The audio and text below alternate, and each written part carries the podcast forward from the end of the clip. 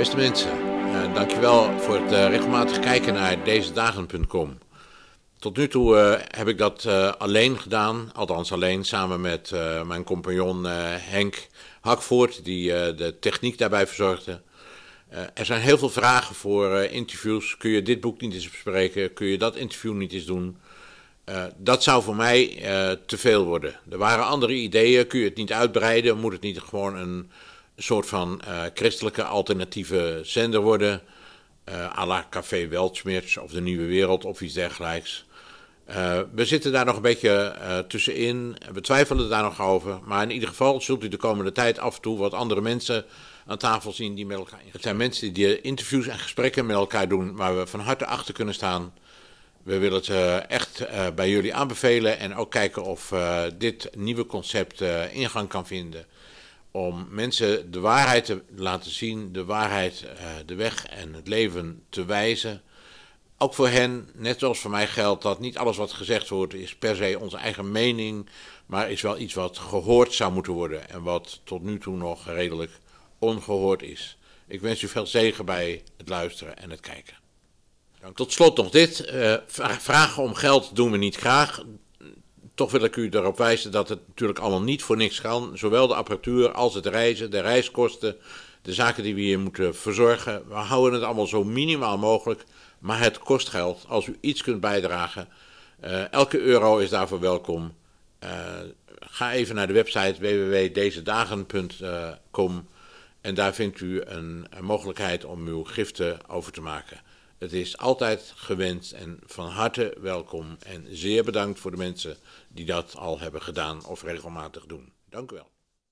Allemaal weer uh, hartelijk welkom bij een uh, aflevering van uh, Het Gesprek. Vandaag heet ik aan tafel welkom Hugo Bos. Hij is directeur van Civitas Christiana, waar een aantal subonderdelen deel van uitgemaakt. Bekend van allerlei acties voor het gezin, over LHBT-kwesties, over het huwelijk, over klimaatideologie over de zaken rondom en met islam. We gaan het natuurlijk niet overal over hebben, want dan zouden we een hele dag nodig hebben. Maar we gaan, we gaan eraan beginnen. Welkom Hugo Bos. Dankjewel, Sion. Is het een beetje goede inleiding geweest zo? Dit is wat je bent, tenminste functioneel. Ja, Want je bent ook nog vader en, en echtgenoot en zo natuurlijk. Uiteraard, ja, dat ja. eerst en vooral. Ja, hè? Dat, dat staat altijd boven alles, ja. Ik heb een, ja, God staat boven alles. En dan, dus eerst katholiek en dan vader en daarna directeur van Civitas Christiana inderdaad. Prachtig. Hartelijk welkom. Ja, ik, ik, ik, ben al een tijdje abonnee op je nieuwsbrieven en op de e-mails die je krijgt. En doe soms ook, trouwens ben ik ook donateur en doe soms ook bijdrage aan allerlei acties. En wat me opvalt is dat er, dat er heel fundamenteel en heel grondig wordt uitgezocht hoe dingen in elkaar zitten. Mhm. En we leven, denk ik, in, in heel speciale tijden, vind ik. Uh, in, in, een tijd waarin de ontwikkelingen over elkaar heen buitelen, op technisch gebied, maar ook op, op moreel gebied, op klimaatgebied, op allerlei uh, zaken. Hoe, hoe zou jij deze tijd duiden? Ja, ik denk dat daarvoor goed is iets, iets teruggaan in de tijd en iets te vertellen over hoe de TFP ontstaan is. En dat is nog weer een andere naam dan Civitas Christiana. TFT eh, is? Uh, TFP staat voor traditie, familie en privé-eigendom. Het zijn eigenlijk drie pijlers van een christelijke beschaving. Het geloof is natuurlijk het hoogste, uh, de hoogste pijler zeg maar. Uh, maar dat, dat, wordt, dat is de missie van de kerk, hè, om, om het geloof te prediken en de sacramenten te bedienen, et cetera. En dan in, in uh, de, de, een christelijke maatschappij bestaat natuurlijk uit kerk en wereld. Die niet volledig van elkaar los zijn of van elkaar gescheiden zijn als het goed is, maar die wel onderscheiden zijn. En als leken hebben wij een taak in de wereld. Dat is onze missie eh, in onze gezinnen, maar ook in de wereld. De, zoals de taak van een koning om een land te leiden. Um, en daarin zijn dus die pijlers fundamenteel: traditie, familie en privé-eigendom. Waar, waarom die drie uh, die pijlers precies? Ja, omdat het daarin het meest kernachtig samen te vatten is van waaruit een christelijke uh, beschaving gevormd wordt. En er wordt natuurlijk gedragen door de, door de natuurwet, door de geboden van God. En zoals, neem, neem de laatste, die, die vinden, kijk, traditie en familie snappen mensen wel, oh ja, christelijk, dat snap ik, hè. Dan, dan heb je christelijke tradities en je hebt gezin. Privé-eigendom voelt wat minder intuïtief voor veel mensen, dat dat christelijk is. Maar uh, uh, je kunt het natuurlijk heel duidelijk zien. Enerzijds, twee van de tien geboden gaan over bezit. Gij zult niet stelen en gij zult niet begeren wat van uw naaste is. Uh, dus van de tien zijn er maar liefst twee die over bezit gaan. Ehm, dus God heeft blijkbaar duidelijk een mening over privébezit. Dat je het bezit wat van een ander is niet onwederrechtelijk mag afnemen. En dat mogen wij niet als burger, maar dat mag een overheid ook niet. En dat is iets wat je in, in, ten tijde van communisme natuurlijk steeds wel ziet. En ook een, dat soort tendensen zien we ook in deze tijd wel. Dat overheden steeds meer socialistische dan wel communistische uh, beleid implementeren. Waarbij het privé-eigendom van burgers niet meer veilig is. Nee, communisme en socialisme in, uh, in vrijwilligheid zou in zekere zin goed zijn. Ik bedoel, je, bent, je, je bent zelfs christelijk gezien geroepen om te geven en voor je naasten te zorgen. Maar het opgelegde, uh, waarin je gedwongen wordt om af te geven wat van jou is, zodat ja. een ander daarmee aan de haal gaat, dat is, dat is het. Uh, dat is diefstal, noemen ja. we dat. Ja, en, uh, kijk, God wil dat we vrijwillig uit liefde geven en niet. Kijk, dat is natuurlijk ook het hele probleem met, met uitkeringen en, en bijstand. Dat je voor de armen zorgt, is natuurlijk zonder meer een christelijk idee. Maar dat je eerst van rijken steelt om het daarna aan armen te geven, dat is geen christelijk idee. God wil dat wij vrijwillig en uit liefde onze, onze medemensen, als het een arm iemand is, hem ondersteunen. Maar uh, van hoe, hoe zouden we dat kunnen samenvatten? Onze oprichter, uh, Dr. Plinio Correa de Oliveira uit Brazilië, uh, iemand uit de, ik kunt zeggen, uit de aristocratie, uit de elite van het land zeer vroom en gelovig opgevoed, die, die is gaan nadenken van die crisis waarin wij nu zitten. Waar, komt die vandaan? Hij, hij komt uit een heel vroom katholiek gezin. En pas, Wanneer is hij geboren? Uh, 1908. Dus, uh, en ten opzichte van nu was het allemaal nog veel minder erg. Ja, ja. En zeker in Brazilië, waar toen 95 of meer procent katholiek was. Ja. En voor een heel deel ook nog wel praktiserend. Maar hij merkte wel na, na toen, zodra hij naar school ging, van hé, hey, maar er begon al een geest te ontstaan die heel anders was dan wat hij van thuis gewend was. De rory, roaring Thirties en, en je ziet dat de rocken korter werden en de dans werd anders en jazz en muziek werd anders. In de cultuur zag je dus op allerlei manieren dat er een verandering aan de gang was. En hij is daarover gaan nadenken en contempleren. En, en hij heeft dat samengevat in een boek dat heet Revolutie en Contra-Revolutie. En hij zegt dus datgene wat de christelijke beschaving uh, bedreigt is de revolutie. En wij moeten een contra-revolutionaire beweging starten die tot doel heeft die revolutionaire tendensen om daar een einde aan te maken. En die, die revolutie, wat, wat, wat zijn de elementen van die revolutie? Hoe, nou, de, de, de, drijvende krachten zijn uh, trots en uh, begeerlijkheid, sensibiliteit, zeg ja. maar. En die kunnen natuurlijk uh, binnen bepaalde grenzen, bijvoorbeeld trots op je familie of zo, of op je bedrijf, dat is natuurlijk iets wat, wat niet zondig is. Maar een trots die gaat ontsporen en die naar richting hoogmoed gaat, of begeerlijkheid die, die uh, in bandeloosheid eindigt, uh, daar, daar gaat het natuurlijk de kant op van zondigheid. En uiteindelijk het verlangen naar egalitarisme, dus niemand boven je wil het dulden, geen God, geen koning. Niet je, niet maître. Ja, de, de, exact. Franse revolutie. Dat, dat is natuurlijk de Franse revolutie, is een van die revoluties. Ja. En, uh, uh, dus, dus, dus, achter al die verschillende revoluties zit dezelfde geest, zeg maar. Dat was zijn conclusie. En uh, de, dat, die geest van revolutie, dat is waar we tegen strijden. Want het, het is niet toevallig, denk ik. Hij is in 1908 geboren, dus eer dat hij daar echt over kon nadenken, moet hij toch wel een jaar of twintig geweest zijn, denk ik. Nee, jonger. Veel Nog jonger. jonger? Ja. Ja. ja, met tien jaar al heeft hij heel diep geestelijk leven gehad. En toen hij 24 was, werd hij gekozen in het uh, Braziliaanse parlement met de hoogste voor, aantal voorkeurstemmen ooit. Jongen. Terwijl dat volgens de grondwet ook nog niet eens kon. Dus ze hebben de grondwet zelfs moeten aanpassen, omdat je minimaal, ik meen 25 moest zijn om uh, verkozen te kunnen worden. Dus al heel erg jong heeft hij die talenten ontwikkeld. Ik kan me voorstellen dat, dat hij, uh, ja, de communicatie ging natuurlijk toen nog niet zo snel als nu, maar je had natuurlijk wel een geest van revolutie over de wereld toen. Hè? Ja. Marx, Engel, Marx en Engels en de, Precies. de communistische revolutie begon Precies. toen ook. Ja. Ja. Daar zat ook een stuk reactie in. Zeker, ik denk in eerste instantie ook hoe, hoe mensen het zagen was vooral TFP is een anticommunistische beweging. En, en het was toen, ja, er is nu ook wel geweld, maar het was toen nog wel een stuk, flink stuk gewelddadiger. Ik bedoel, er zijn destijds in Brazilië meerdere bomaanslagen geweest op onze huizen. In Colombia is meerdere bommen ontploft bij huizen van ons. Dus gewoon hele, hele gevel van, van, van huis eruit geblazen. Van, van, anti, van, de TFP dus. Ja. Hebben, anti, hebben communisten bommen gelegd in onze huizen. Gewoon uh, door, het, door de ramen gegooid, uh, hele, hele kapel is weggeblazen. Omdat ze toen eigenlijk dus al een gevaar zagen in die ja. contra-revolutie. Precies, precies. Het communisme wilde, wilde Desnoods met geweld. Hè. Hier in Europa ook, ja. Rote Armee-factie enzovoort, hebben natuurlijk heel veel geweld gezien ook van de communistische zijde. Ja. Ja, en, en Marx en Engels die, die hebben natuurlijk ook de, die grondslagen gelegd voor die communistische revolutie, die ook weer voortgebouwd is natuurlijk op die eerdere revoluties, hè? Mm. de geest van uh, revolutie. Ja. Uh, het, het, het, heeft ook te maken met, uh, maar ik weet niet wat Olivier daar zegt, maar, van zegt, maar toch wel te maken met een geest van geen God, geen meester, het losraken van God. De Bijbel, ja. de, de ja. ethiek, de normen, de traditie dan, om daar maar naar te ja. komen, die, die eigenlijk geen waarde meer hebben. Nee, geen gebotten, geen beperkingen, geen grenzen te willen accepteren. He, dus dat, dat zit ook in die begeerlijkheid die uh, volledig loslaat en die, die uh, geen enkele grens of rem meer accepteert. Het gaat in feite alleen maar om, om materialisme dan. Ja, ja, de diepste wortel van communisme is materialistisch. En kijk, veel mensen denken dan aan, aan de grondonteigening van boeren, et cetera, wat absoluut ook een, een heel belangrijk element is van die revolutionaire tendens van het communisme. Maar vanaf het begin zie je al de volgende revolutie, namelijk de seksuele revolutie, zie je terug in het communisme. Dus in 1917, 1918 heeft Rusland uh, seksuele voorlichting ingevoerd, uh, abortus ingevoerd, homohuwelijk ingevoerd.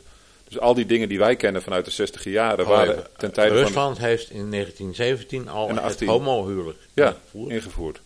Dus wij denken dat het een westerse vinding is. Nederlanders zijn altijd zo trots dat, ja, dat, dat wij, wij, de eerste ter wereld waren. We waren bij lange na niet. Hè? 1917, 1918 was dat al. Dus dat is van veel oudere datum. En je kunt zelfs nog verder teruggaan. Maar goed. Um, en nu zie kijk, voor ons katholieken is, is de, de boodschap die Maria en Fatima gebracht heeft in die zin heel belangrijk. En zij heeft gewezen op de zonde van de wereld. En, en, en, onder andere op het gebied van kuisheid. Dat is heel expliciet genoemd ook. En uh, specifiek op gewezen dat, dat uh, als de wereld zich niet bekeert, dat het dan Rusland zal zijn wat haar zonde over de hele wereld zal verspreiden. Dus die ideeën van, van abortus, van homohuwelijk, maar ook van cultureel marxisme, zijn ook inderdaad daarna de hele wereld over gegaan. Ik, ik heb dat gehoord, heel mooi verhaal van Gavin Ashenden. Hij, ik weet niet of u hem kent. Hij, hij, was kapelaan van koningin Elisabeth. Hij was priester, priester in de Anglikaanse kerk. Uh, priester doe je zo omdat. Om niet katholiek priesters zijn natuurlijk niet echt. Zijn niet, nee. Kijk, bij, bij een orthodox, vanuit katholiek perspectief zeggen, een orthodox priester is wel een priester. Ja. Er is een consecratie, er is, het is Christus zelf en dat is bij de Anglikanen niet zo. Maar goed. Hij smokkelde Bijbels naar Oost-Europa achter het ijzeren gordijn. Dat was dus wel uh, heel moedig. Volgens hem zelf was hij niet zo'n goede smokkelaar, want hij is een paar keer gepakt. Maar ontegenzeggelijk moedig hè, om dat te doen. In die, dat, in die tijd van het ijzeren gordijn. Net en, als een uh, Anna van der Bijl in de, ja, de protestantse ja, exact. Sfeer, ja, ja, zeker. Dat, dat ja. zijn grote, grote mensen geweest. Die, uh, en uh, ik zit te zoeken naar zijn naam. In de katholieken heb je natuurlijk ook, hoe heet hij nou toch, van Kerk en Nood. Wat vroeger Oost-Europa hulp heette. zijn naam wil me niet te binnen schieten. Nee, mij ook niet. Maar goed, net als Anne van der Bijl heeft hij ook dat werk gedaan. Ja. Ehm, maar goed, hij, hij, kwam dus veel in Oost-Europa. En, en veel later zei hij van ja, maar toen hij in Engeland was, zei hij deze ideeën die ik hier nu hoor op radio, televisie enzovoort, die ken ik toch ergens van. Dat komt me zo bekend voor. En toen realiseerde ze zich, hé, hey, dat zijn de ideeën van achter het ijzeren gordijn. Dat zijn de marxistische ideeën die ik van toen ken, vandaar, die ik nu hier terughoor. En die dus ja, cultureel marxistisch zijn.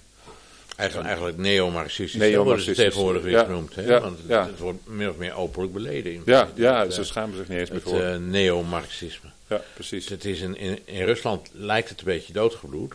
Mm -hmm. Want als je, als je de, de, de, Russische leiders erover hoort, moeten ze daar weer niks van hebben op dit moment. Maar hier... Nou, dat zou ik niet zeggen. Poetin heeft gewoon dus trots op dat hij nog steeds zijn lidmaatschapskaart van de communistische partij heeft. Ja. En uh, hij, hij, vindt de glorietijd van Rusland is de tijd van Stalin. Ja. Bedoel, het is niet zo dat hij uh, dat communisme afgezworen heeft, bij de lange na niet. Nee? Nee, absoluut niet. Ik vind, vind wel dat wij hier de, de, moraal bijvoorbeeld op het gebied van huwelijk en dergelijke verkwanselen. Ja, maar die, die is denk ik bijna nergens erger dan in Rusland. Nee? Gekwanseld. Oké. Er, er, is, er zijn 3 miljoen prostituees in Rusland. 3 miljoen prostituees. Het lijkt me heel veel. Ik weet niet hoeveel mensen er in Nou, zes, wat is het? oh, het hon- eh, 120 miljoen inwoners? Ik weet niet helemaal zeker. Eh, de homobars in Petersburg, in Moskou. eh 60% van de kinderen wordt geaborteerd. Ik bedoel, wat waar, is, waar is moraal als 60% van je kinderen geaborteerd wordt? Ik bedoel, wij, wij moeten ons als Westen ook kapot schamen over abortus in Nederland. Eh, Een, grof schandaal. 30.000 kinderen per jaar in Nederland. Ja, maar in Rusland zijn het dus 300.000 als je het even in verhouding ziet. Ja. Ik bedoel, 60% van de kinderen. De gemiddelde leeftijdsverwachting is, is eh, 56 jaar van een man in Rusland. Ja. Vanwege het alcoholmisbruik. En dus op moreel gebied is, het, is Rusland in een verschrikkelijk verval wat vele malen erger is dan wat we hier in het Westen kennen. Vele Nog- malen Nog erger. steeds. Oh ja, zeker. Ja. Zonder twijfel. En ook, ook religieus is er niet sprake van een. misschien ten opzichte van tientallen jaren geleden een, hele lichte. dat het iets mi- op sommige punten iets minder erg is. Maar kerkverlating, secularisatie. eh, De kerken zijn gewoon leeg. Kloosters zijn leeg. eh, in dat opzicht kun je niet zeggen dat er een soort moreel eh, herstel vanuit Rusland denkbaar is op dit moment. Dat is wel waar we voor bidden en waar ook in de boodschap van Fatima over gesproken is, over de bekering van Rusland. Maar dat is niet iets wat je nu al ziet gebeuren. Dan zou je dus ook zien dat, dat eh, ik bedoel, Rusland heeft nu nog steeds, is het zo dat eh, de erkende godsdiensten zijn orthodox geloof natuurlijk, eh, maar ook het shamanisme, heidens geloof, en de islam. Protestantisme, katholicisme, et cetera, zijn niet, zijn niet, Niet nee. godsdiensten en worden dus ook op allerlei manieren tegengewerkt. Eh, maar het shamanisme wel. Ja. Ja, een land met dat soort eh, normen, ja, dat, dat is niet een werkelijk herstel van christelijke beschaving. goed, die, die, die normen en die filosofie, die communistische filosofie ook dus, die marxistische filosofie, die heeft geleid tot ontwrichting ook van met name het huwelijk en het gezinsleven.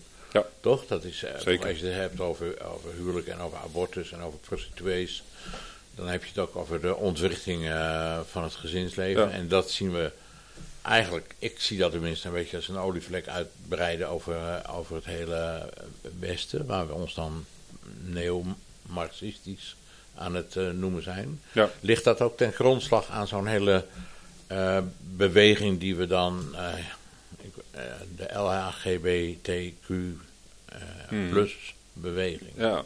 noemen? Nou ja, je ziet dat dat steeds verder gaat. Hè? Dus dat die, die, die drang om alles te vernietigen. eh, Als je kijkt, de, revolutie is het vernietigen van de ordening die door God gegeven is. eh, Dat men daar steeds verder in gaat. En er zijn allerlei dingen. eh, In veel opzichten kun je al niet meer van een echte monarchie spreken. Hoogstens nog van enkele symbolen of tradities. Maar de oude, ja, dus door de Franse revolutie. En zo kun je op allerlei punten wijzen dat er al heel veel vernietigd is. Maar men gaat daarin steeds verder. Dus zelfs een beetje zoals ook boeddhisten wel de neiging hebben om niet alleen maar bepaalde geboden te breken. Maar zelfs de schepping zelf te ontkennen. De schepping zelf, te, eh, dus zoals een boeddhist ook ontkent, dat het, het eh, schapene zelf van God ontkent. En eh, dat wil ontstijgen. Die, die van God gegeven van- werkelijkheid van van een lichaam. komen, ja, los ja. van een materie komen. Dus het, het ontkennen zelfs van, van materie als bestaand en door God geschapen. Dat zie je denk ik in het Westen nu ook. eh, in, in dat men als man of vrouw geschapen zijn niet meer willen herkennen. eh, bijvoorbeeld. Of, of en, en na ja, bijvoorbeeld echtscheiding, wat in het Westen toegestaan werd, anticonceptie enzovoort, dat men overgaat tot steeds extremere eh tegennatuurlijke zonden. Hè, zoals na homoseksualiteit nu ook nog pedofilie goedkeuren. Die, die tendens is wel duidelijk. ongelooflijk. Ik las daar vandaag nog een bericht over dat dat zelfs binnen de WHO een een onderwerp van bespreking of zelfs van beslissing is geweest om dat eh, Ja. tot op zekere hoogte goed te keuren. Ja. Ja. Nou, en in Nederland, ik bedoel, de, de, de gay-parade in Amsterdam, er worden gewoon openlijk flyers uitgedeeld om, om eh, tot- op te roepen tot tolerantie voor eh, mensen met een pedofiele geaardheid. En je ziet hetzelfde gebeuren. Hè. Eerst, die mensen zijn zielig en hebben het moeilijk en moet bespreekbaar gemaakt worden. En daarna moet er ruimte voor gecreëerd worden en daarna moet het toegelaten worden. En daarna moet iedereen die daartegen protesteert het zwijgen opgelegd worden. Jo, nou ja, het is echt wel. Uh, daar, zit, daar zit ook een geestelijke kracht achter, denk, denk ik dan. Ja. In mijn visie in ieder geval. Ja, er zit een geestelijke kracht achter. Terwijl, terwijl zo, er zijn verschillende heiligen die daarover schrijven. Terwijl de zonde van homoseksualiteit zodanig ernstig is. dat zelfs de duivelen dat niet kunnen aanzien. Dus mensen wel daartoe aanzetten tot die zonde. Maar als mensen die zonde bedrijven, de duivel zelfs zijn gezicht afwendt om het niet te hoeven zien. Zozeer is het tegennatuurlijk. Ja, daar, daar wordt door eh, kerkvaders of heiligen over geschreven. Veel, ja, ja, zeker. Ja. Ja, want ik, ik, die, die, hele ontrichting van, van de seksuele moraal, van het huwelijk. Uh, zelf zie ik de, van begin tot het einde. Zie, de Bijbel begint met een huwelijk en eindigt met een huwelijk, zeg ik altijd. Mhm. Het eerste huwelijk is tussen Adam en Eva. En die krijgen de opdracht om zich te vermenigvuldigen. Mm En de Bijbel eindigt met een huwelijk waar het, uh, de, de, bruid, uh, de bruid van Christus uh, uit de hemel neerdaalt. Mm dat is uiteindelijk de bruiloft van het lam. Ja. Als, als je het dan hebt over, over machten die daar tegenin gaan, dan zijn het al gewoon duivelse, satanische machten, toch? Ja, ja. nee, het is zeker een, een geestelijke strijd. En het begint natuurlijk in onszelf. dus het, kwaad in onszelf. En de duivel zeker. De, mensen die het goede zoeken, zal hij als eerste op het oog hebben in dat opzicht. Maar alle tactieken van verleiding en misleiding en van uh, gebruikt hij. En dat zien we terug in, in media, dat zien we terug in, in scholen, wat, wat onze kinderen geleerd wordt. Uh, ja, want dat gaat heel ver, hè? Dus ja. daar zijn jullie ook, vind ik, heel goed in en heel goed mee bezig om te ontdekken wat er in schoolboeken en in de media geleerd wordt over, over seksualiteit ja. en seksuele opvoeding. Je, je, hebt daar zelfs boekjes, je hebt ook nog het een en ander meegenomen, maar je hebt, jullie klopt. geven daar boekjes over uit. Dat is een boekje, dit is een rapport dat wij geschreven hebben. Wat dus gaat over die uh, schoolboeken. Het geeft eigenlijk eerst een, uh, een historisch overzicht. Van hoe is die seksuele revolutie ontstaan? Wat zijn de wortels? Hoe, is dat, hoe zijn we gekomen waar we nu zijn? En het tweede deel geeft heel veel voorbeelden vanuit schoolboeken van wat wordt onze kinderen dan geleerd, zoal.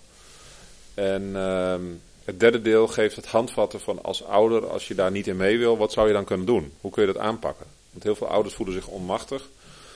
Uh, school is natuurlijk, heeft toch grote macht. Dan heb je onderwijsinspectie, uh, je, je, krijgt tegenstand van andere ouders misschien, een leerkracht waar je dingen aan moet uitleggen. Het is niet zo makkelijk.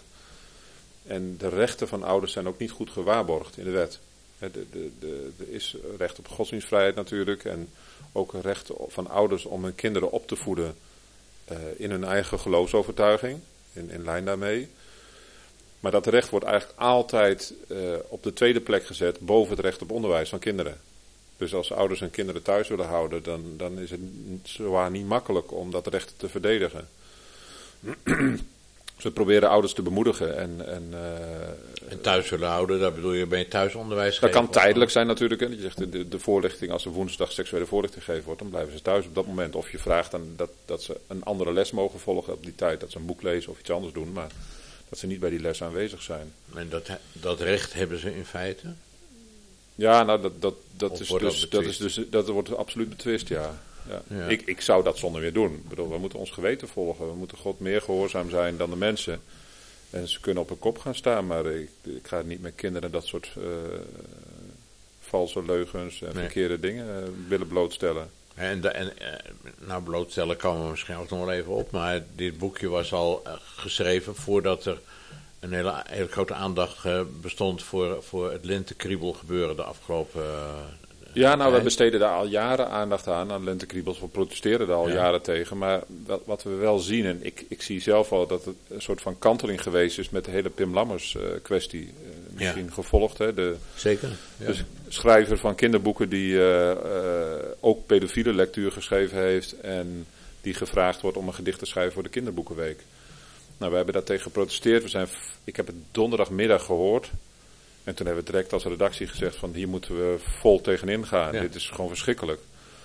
Dus uh, we hebben direct het hele team bij elkaar uh, artikelen geschreven, advertenties op sociale, sociale media, e-mailmailings, uh, petitie gemaakt. Dus alles in het werk gesteld om het... en waar werd dat opgepikt, Hugo? Nou, ja, dat ging heel snel. Ik, ik keek naar onze website, dan zag je gewoon elke seconde zag je weer een nieuwe Ja? petitie getekend worden. En het is via Twitter vooral viraal gegaan. eh, ik meen op Raisha Blommenstein, of hoe- als ik haar naam goed uitspreek, van Ongehoord Nederland. Ja? En allerlei andere, hoe heet ze nou toch, Monique, Monique eh, Smit of zo was het, geloof ik. Nou ja, allerlei van die BN'ers Ja? hebben het op Twitter geplaatst. En eh, dus toen is het ineens viraal gegaan. En zaterdagmiddag heeft hij zich teruggetrokken als eh, schrijver van dat gedicht. En, en werd je daarin gesteund? Want je, je noemt nu eh, Ongehoord Nederland. Die hebben dat opgepikt. Dat heb ik inderdaad gezien. Ja. Eh, die pikken dikwijls ongehoorde geluiden op natuurlijk. Hè? Maar Ja. werd je ook gesteund door, door bijvoorbeeld een evangelische omroep, een NCFV, een reformatorisch dagblad, een Nederlands dagblad, een Nul, nul, nul, nul. niemand. SGP, eh, ChristenUnie. Nee, helemaal niemand. Niemand. Zelf RD zei wel, ja, wat die man schrijft vinden wij ook niet goed. Maar wat Civitas doet is helemaal verkeerd. Waarom? waarom? Eh, te extreem, en te radicaal en te, te scherp. En we moeten toch moeten vooral bidden. En eh, eh, helemaal, ik bedoel, als zo iemand zich terugtrekt, dan kun je toch niet anders zeggen als christen dan ben ik dolblij mee. Eindelijk, gelukkig. De, de, eh, toch het gezonde verstand keert terug dat mensen zo iemand niet gaan vragen voor zo'n gedicht. En, en dat dan RD ons bekritiseert. Terwijl dankzij ons is, is het gebeurd dat hij zich terugtrekt. Dat zegt ook de pers eh, wel. Ik bedoel, ze vallen ons aan, maar ze erkennen wel dat wij de, de, Dat je invloed eh, hebt. In ieder geval invloed hebben, ja. We zijn, we zijn niet de enige uiteraard, maar niet zo hoogmoedig wil ik niet zijn. Maar we hebben daar een belangrijke rol in gespeeld. Nee, ook Katholiek Nieuwsblad heeft het veroordeeld. Nederlands Dagblad, iedereen eh, viel over ons heen. Terwijl het een grote overwinning was voor, voor, eh, voor onze kinderen, voor onze gezinnen. Dat, dat, eh, dat, er dat ook Nederlanders aangaven, er is een grens bereikt. Dit accepteren wij niet. Ja, wat, mijzelf heeft verbaasd, dat, dat, politiek gezien bijvoorbeeld alleen een partij als Forum voor Democratie, ik zie Thierry Baudet in de Kamer staan met, met de boekjes over Ja. die, die kinderen geleerd werden op school. Eh, en dat hij daarin niet, tenminste ik heb dat niet gezien, nou volg ik politieke debatten niet van A tot Z, maar volgens mij niet echt gesteund werd door partijen van wie je dat zou verwachten. Ja, nee, mee eens. Mee eens. Maar, maar hoe kan dat? Wa- wa- waarom, waarom glijdt die christelijke moraal, eh, niet alleen in reformatorische zin, maar je noemt zelf, we werden ook niet door het katholiek nieuwsblad gesteund. Nee. Waar, waarom glijdt die, die moraal zo af? Waar, wat zijn we kwijtgeraakt? Ja, ten diepste zijn we God kwijtgeraakt natuurlijk. Ja, God is ons niet kwijt, maar wij, wij, wij, hem wel natuurlijk in veel opzichten. En ehm, ja, kijk, we, ook, ook de mensen die nog wel gedeeltelijk het goede willen, zijn natuurlijk toch geïnfecteerd door dat revolutionaire denken in allerlei opzichten. En ehm, ja, hebben dus hele basale deugden verloren, zoals, zoals moed. Mensen zijn laf, zijn bang wat men ervan zal zeggen en wat je over je heen krijgt en, en wat het voor consequenties heeft. En straks verlies ik mijn baan of mijn mijn gezicht in de pers verlies ik mijn gezicht als politicus. En Ja, Word deugden, ik in hetzelfde- deugden zijn nu eh, meebewegen en Ja. eh, invoelen. En eh, Ja. dat, dat, zijn ware deugden, niet meer moed, beleid en trouw, om Nee, nee, maar eens nee. wat oude dingen te noemen. ja, ja Dat, precies. dat, dat is, Daar doen we niet meer aan. Nee, precies. En dat zie je eigenlijk overal. En dan zie je ook steeds meer afgeleiden. De, de- we hadden het in het voorgesprek even over het Reformatorisch Dagblad. Dan zie je toch duidelijk dat het geluid van 10, 20 jaar geleden is gewoon niet meer herkenbaar. Totaal niet. Er waren eerder nog wel goede dingen geschreven. Maar daar is het nu meer meehuilen met de wolven. Op zijn minst, hè, ze zullen nog wel zeggen, ja, wat Pim Lammers schrijft over pedofilie, dat is niet akkoord, dat, is, dat hoort niet en zo.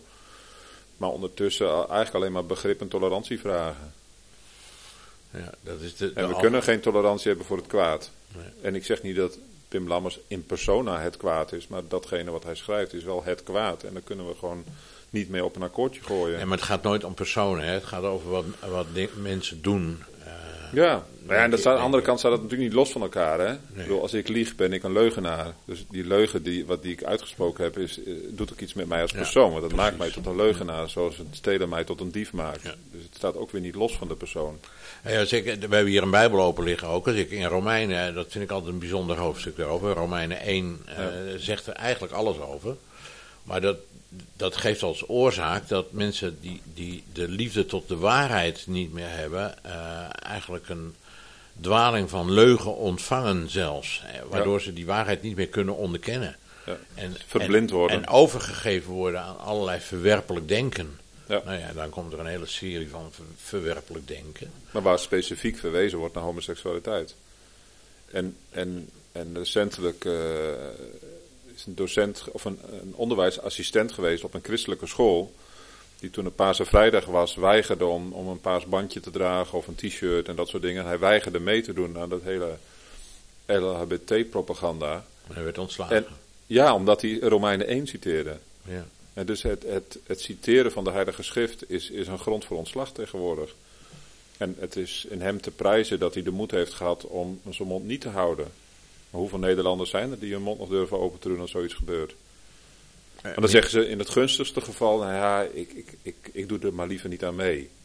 Maar niet publiek veroordelen, niet publiek tegenop komen. En het is toch onze plicht als, als, uh, als christen om de eer van God te verdedigen. Om in ieder geval waarheid te spreken. Ja, maar de waar is de eer van God? Ja. Waar is de eer van Christus?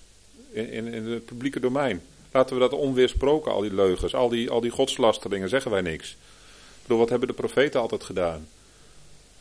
Ik bedoel, uh, een mooi voorbeeld vind ik altijd van Nehemia in het Oude Testament. Dat als er gehandeld werd op de Sabbat, dat hij, zo staat er, de handelaren aan de haren de stad uittrok.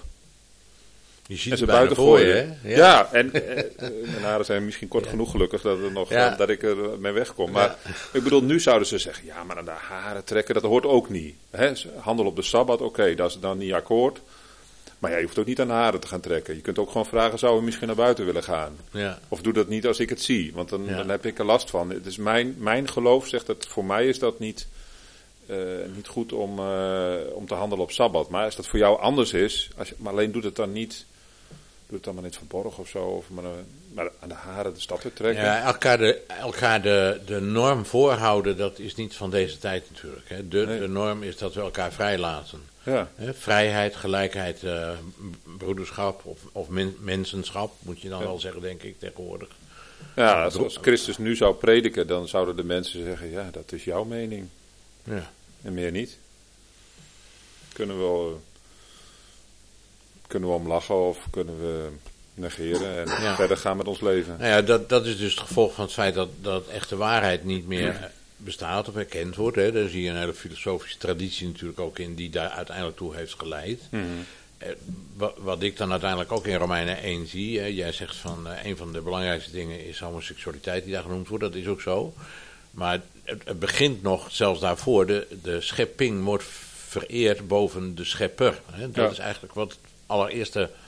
Uh, zie je daar ook iets in terug, bijvoorbeeld in de hele klimaatreligie? Ja, nee, interessant. Ik, ik, ik moest er direct ook aan denken, inderdaad. Dat, absoluut, dat zie je er zeker in terug. Kijk, eh, God heeft, God zelf, God, God uh, heeft een ordening gegeven. Het hele, het heelal heeft een ordening. De, de, de, de zonnestelsels en de aarde.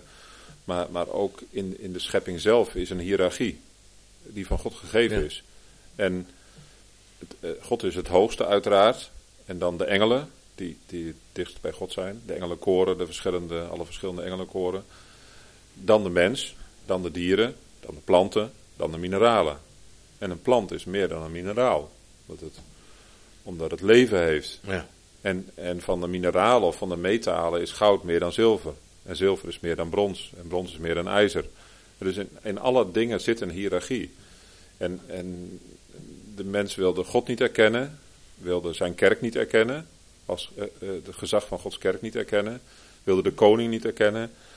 Um, en, en nu zie je dus dat we in een fase zijn beland dat, God, dat de mens ook de hiërarchie tussen de mens als koning van de schepping uh, en de schepping zelf niet meer wil erkennen. En dat de mens eigenlijk als een bedreiging voor de natuur gezien wordt en niet als koning van de natuur of, of heerser over de natuur.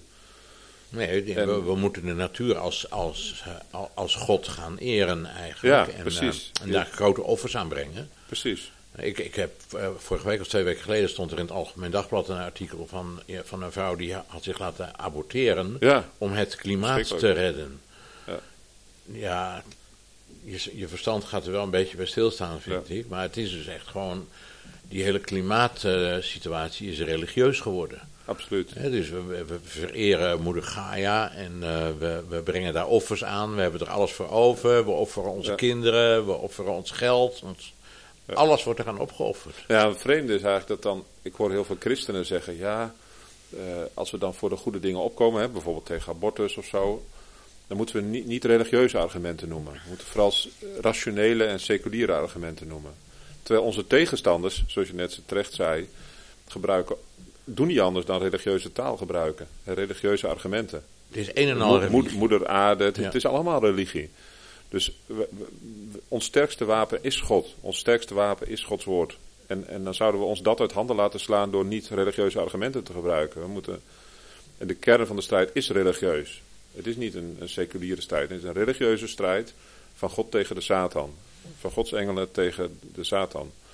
En als we het niet in dat kader plaatsen, dan zijn we bij voorbaat verloren. Dan kunnen we beter stoppen met vechten. Ja, ik, vind, ik vind het altijd heel bijzonder dat, uh, dat zal jou ook bekend zijn, maar dat, dat voor het gebouw van het uh, Europees Parlement, maar ook voor de beurs in New York of voor de beurs in Amsterdam, daar staan weer die beelden gewoon van een stier, hè, van de oude Baal. Ja. Die staan daar gewoon weer opgesteld. Voor, zeker voor het Europees Parlement, uh, Europa op de stier.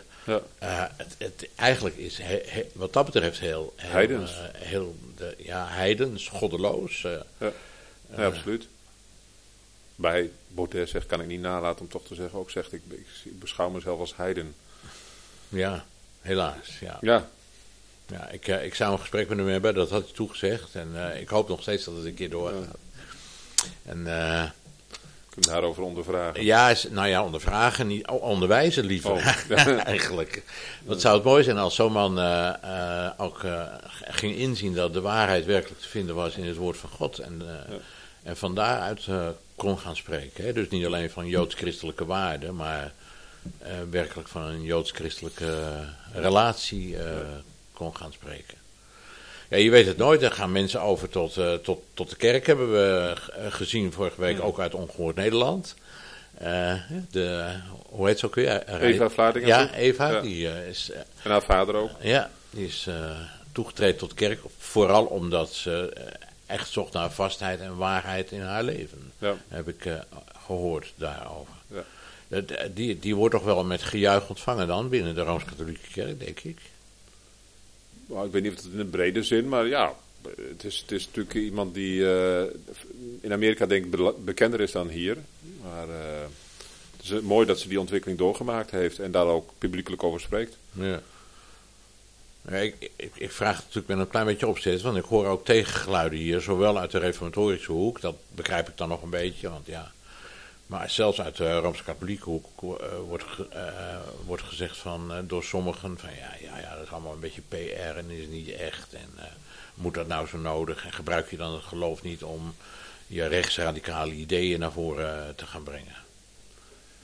Ik, ik, ik, ken, ik ben niet echt een specialist op wat zij allemaal zegt en zo, dus ik kan niet mijn hand voor haar in het vuur steken in alle nee. opzichten. Ik kan al haar persoonlijk geloofsleven al helemaal niet beoordelen. Nee, dat kan ook niemand. Nee, nee dus, maar uh, ik heb geen reden om daaraan te twijfelen in ieder geval. En ik heb een aantal, niet zo, uh, ik weet niet hoe lang het geleden is, maar op NatCon, dus een internationaal congres voor conservatieven, hè, dus waar rechts, rechtsdenkers uh, wereldwijd samenkomen. Dit is volgende week in Londen, is, elk jaar is er zo'n conferentie. Daar heeft zij gesproken, niet lang geleden. En als ik die lezing hoor, ja, ik kan niet, ik, ik kan me niet voorstellen dat je dat faked, zeg maar. Nee. En daarin zegt zij heel duidelijk gewoon onze belangrijkste zeg maar, bondgenoot in, in de strijd is God. Als wij dus God niet in het publieke debat betrekken, als we niet vanuit ons geloof uh, als conservatief handelen, dan zijn we bij voorbaat reddeloos verloren. En ik, uh, ja, ik, ik heb, ben in die zin onder de indruk van uh, wat ze daarover gezegd heeft en gedaan heeft. Ja, ja. En is ik iemand die dat op een goede en inspirerende manier kan verwoorden. En dat is denk ik alleen maar een goede zaak. We moeten uiteindelijk ook de instituties en de media en, en waar, waar, we ook maar geroepen zijn als christen ook terugveroveren. En niet, niet een mentaliteit van in ons hokje terugtrekken, wat wij in het verzeild Nederland nog wel eens de neiging hebben. Als ik hier in mijn zuiltje met rust gelaten word, dan laat ik jou met rust. Dan mag jij jouw atheïstische leventje leiden en dan kan ik mijn christelijke leventje leiden. Laten we maar veel bidden voor de bekering. Ja. Ik vind het prima om voor de bekering te bidden, maar uh, moeten wel in het hier en nu eh, de eer van God verdedigen. En, en al die leugens en godslasteringen en zonden niet onweersproken laten. En, en het werkt dus als je dat doet. Ik bedoel, Pim Lammers heeft kwestie heeft bewezen dat als je daar tegen protesteert, dat dat werkt, dat het effect heeft. En, en dan is het gewoon een, grof schandaal als wij het op zijn beloop laten. Maar je hebt ook een boekje geschreven over klimaat, de, klimaatoorlog. Ja. Ik zie het hier eh, met een schuin oog liggen. Maar Klopt. hoe winnen we die klimaatoorlog? Eh, kunnen we, hoe, hoe winnen we die dan? Nou ja, de, door eerst en vooral te erkennen dat het een religieuze oorlog is, dus ook. En, en eh, klimaat is op zichzelf natuurlijk neutraal. Ik bedoel, het graad warmer of minder warm, ja, dat, dat uh, is van alle eeuwen. Maar ja, we zijn, we, we zijn aan termen gewend geraakt, maar vroeger leerde ik gewoon op school dat wij hadden een zeeklimaat. En in, uh, in midden, midden-Europa hadden ze dan landklimaat. En, ja. uh, in het noorden een poolklimaat. Maar tegenwoordig heeft dat een hele andere betekenis gekregen, hè, klimaat. Ja, nou ja, kijk, we, we, hebben, dat is trouwens in dit boekje Groens Nieuwe Rood. Dat is een, een boekje wat we voor uh, dit boek over de klimaatoorlog hebben uitgebracht. Uh, dat boekje is geschreven door prins Dom Bertrand van Orleans Bregans, de troonpretendent van Brazilië. Ik bedoel, het is geen monarchie meer, maar wel. De, hij zou anders de Hij zou anders uh, ja. op de troon gekomen zijn. Ja, ja precies. die heeft dat geschreven. Brazilië heeft dat veel invloed gekregen. Ik bedoel, uh, president Bolsonaro heeft op de G7-top wereldwijd tijdens een persconferentie heeft hij uit dit boek geciteerd. En ook dat boek bij de hand gehad, zeg maar. Uh, dus het heeft veel invloed gehad. En wat er onder andere in staat is hoe uh, linkse ideologen en klimaat, zogenaamde wetenschappers, zelf zeggen dat hun agenda achter klimaat socialisme is. Invoeren van socialisme, herverdeling van rijkdom, dat is de agenda. En de agenda is helemaal niet het klimaat. En dat, dat blijkt ook wel uit het feit dat er in feite niet veel aan de hand is met het klimaat. Ik bedoel, in 100 jaar zegt het IPCC, dat is gewoon het van de VN erkende instituut wat wereldwijd uh, aangezien wordt als autoriteit op dit gebied. Mm -hmm. Dat instituut zegt dat volgens de metingen zoals we die nu kennen, in 100 jaar tijd de, de, de temperatuur op aarde met 1 graad gestegen is. Ja, we kunnen toch moeilijk beweren dat, dat de wereld vergaat omdat het hier 1 graad warmer wordt. Het, terwijl de, je overal ziet dat voor een mens het moeilijk te leven is in koude. Ik bedoel, hoe kouder het is, hoe minder mensen er wonen. Dus op de pool, in de poolgebieden, of in het uh, noorden van Canada of Siberië, daar wonen bar weinig mensen. Omdat het voor een mens niet te doen is om daar te leven bijna. Nee. Het kost heel veel moeite in ieder geval. Ja. En, en hoe warmer het is, hoe meer mensen er wonen. Dus dat een mens niet zou kunnen leven met 1 graad temperatuurstijging is natuurlijk gewoon larikoek. En, en in veel opzichten zelfs gunstig. Ik bedoel, als jij in het noorden van Canada, Zweden woont, dan ben je blij dat het een graad warmer geworden is. Want... Nou, nou, wordt er door die klimaatmensen uh, beweerd, laat ik het zo maar even zeggen, ja. dat, uh, dat, uh, dat er een proces aan de gang is wat uiteindelijk onomkeerbaar zal blijken te zijn, waar, waarbij de boel exponentieel explodeert, zeg maar. Dan wordt ja. het van 1 naar 8 naar, naar 15 en dan betekent het wel het einde van, van, van deze wereld. De, de vraag is natuurlijk, is, is, is, is de mens van invloed op dat klimaat? Hebben, hebben, hebben wij daar invloed op? Ja, heel weinig of niet. Nee, hè? Dat, dat uh, nee, maar heel beperkt. En het is natuurlijk ook veel meer multifactorieel dan alleen maar CO2 of zo. Ik bedoel, de, de, de, de zon en de straling van de zon heeft invloed, uh, het weer heeft invloed, vulkaanuitbarstingen. Er zijn vele factoren. Ik ben zelf geen, geen klimaatwetenschapper. Maar het is veel meer multifactorieel. En, en het is daarnaast zo dat. In die zin zie je trouwens wel. Als je naar verschillende crisissen gaat. Van, van corona, van klimaat, van stikstof. Zie je dat elke keer er, er zijn instituten van wetenschappers. Of vermeende wetenschappers. Technocraten. Die modellen maken. Die modellen bewijzen een, een uh, ramp. Dan moeten we maatregelen nemen om die rampen op te lossen. Dat, dat is het scenario wat je steeds ziet. Nou, van de hockeystick curve, hè, dat is de, de curve die het klimaat aangeeft, die zou dan exponentieel stijgen. Daarvan is keihard aangetoond door overigens katholieke wetenschappers, die hun, hun, hun vinding ook wijden aan hun geloof. Die zeggen, door het geloof heb ik een objectiviteit en rationaliteit om de dingen beter te zien dan een niet-gelovig iemand. En zij hebben keihard aangetoond, dat is nu ook algemeen erkend, dat de hockeystick-theorie niet klopt. Dat die gewoon op, op uh, nepnieuws gebaseerd is, om het even zo te zeggen. Ja. Nou, en, en je ziet in, in corona precies hetzelfde gebeuren. Er komt eerst wordt er een ramp geprognotiseerd. miljoenen zullen doodgaan. We hebben massagraven gegraven, want mensen zullen massaal sterven. En dan gaat men, gaat men zeer drastische, vergaande maatregelen nemen om die coronacrisis tegen te gaan. En daarna komt dat rampscenario niet uit. En dan zeggen ze: Kijk, de maatregelen hebben gewerkt. Want ja, kijk, ze hebben niet die massagraven niet nodig gehad. Het is allemaal meegevallen. En dat komt natuurlijk door onze maatregelen. En nu, nu moeten we, want in deze tijd zitten we dat die maatregelen, of in ieder geval de bevoegdheid om die maatregelen te nemen, uit handen wordt gegeven aan hogere organen, waardoor we daar niet, niet, eens meer iets tegen kunnen doen. Hè? Nee, precies. En, en de, in de nieuwe, in de aanpassingen van de WPG, de Wet Publieke Gezondheid, komt dus te staan dat als het naar het gevoelen van de ministerraad zo is dat er een pandemie is. Dus er is geen enkele objectieve norm voor is er werkelijk sprake van een pandemie of, of is er eigenlijk heel weinig of niks aan de hand. Nee. Kijk, virussen zijn er altijd en mensen gaan dood aan virussen en er zijn besmettelijke ziektes en verkoudheid is besmettelijk en griep en soms in het geval zoals van ebola is het een behoorlijk ernstige uh, besmettelijkheid en ook ernstig is zeer dodelijk uh, iets, ja. zeg maar. Um, maar bij corona is dat gewoon nooit aangetoond. Dus het heeft belangen na niet die, die graad van er zijn wel mensen aan overleden. Tuurlijk, maar in zeker. Geval, ja. Ook de mensen die ik zelf goed ken en heel ja. dichtbij sta. Dus dat, tuurlijk, dat, dat is heel erg. Maar het is niet aangetoond dat je door maatregelen dat ze kunnen voorkomen. We kunnen als mensen ook niet alles voorkomen. Uiteindelijk gaan we sowieso dood. Ja, he? En we hebben niet de macht om, om uh, voor het leven, zeg maar. En, uh, en, soms, is de kwaal, of de, soms is de behandeling erger dan de kwaal.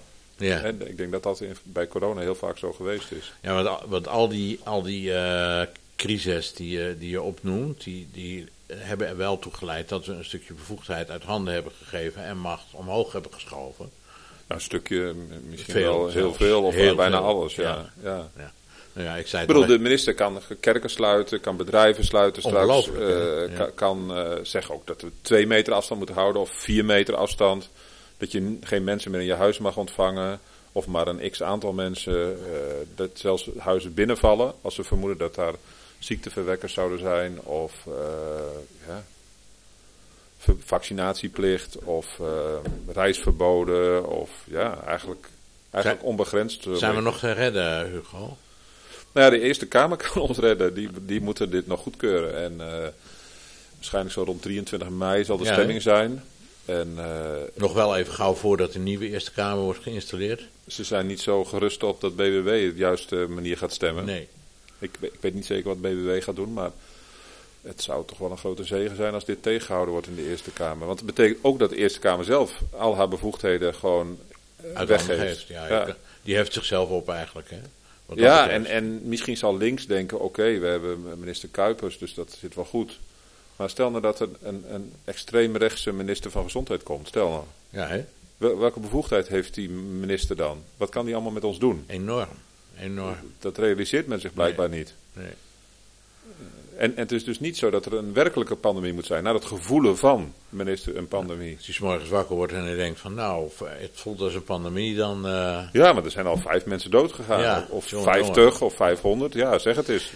En nou, uh, we, we, zitten al een tijdje te praten. We moeten ook een beetje naar een afronding. Er zijn heel veel dingen te doen. Jullie hebben er heel veel dingen in onderzocht en geschreven. Die boekjes die zijn uh, te bevragen. De uh, website van, van de stichting zal uh, vermeld worden onder het uh, interview. Dus daar kunnen mensen heel makkelijk terecht. En volgens mij zijn ze eigenlijk ook gratis te verkrijgen, de meeste. Ja.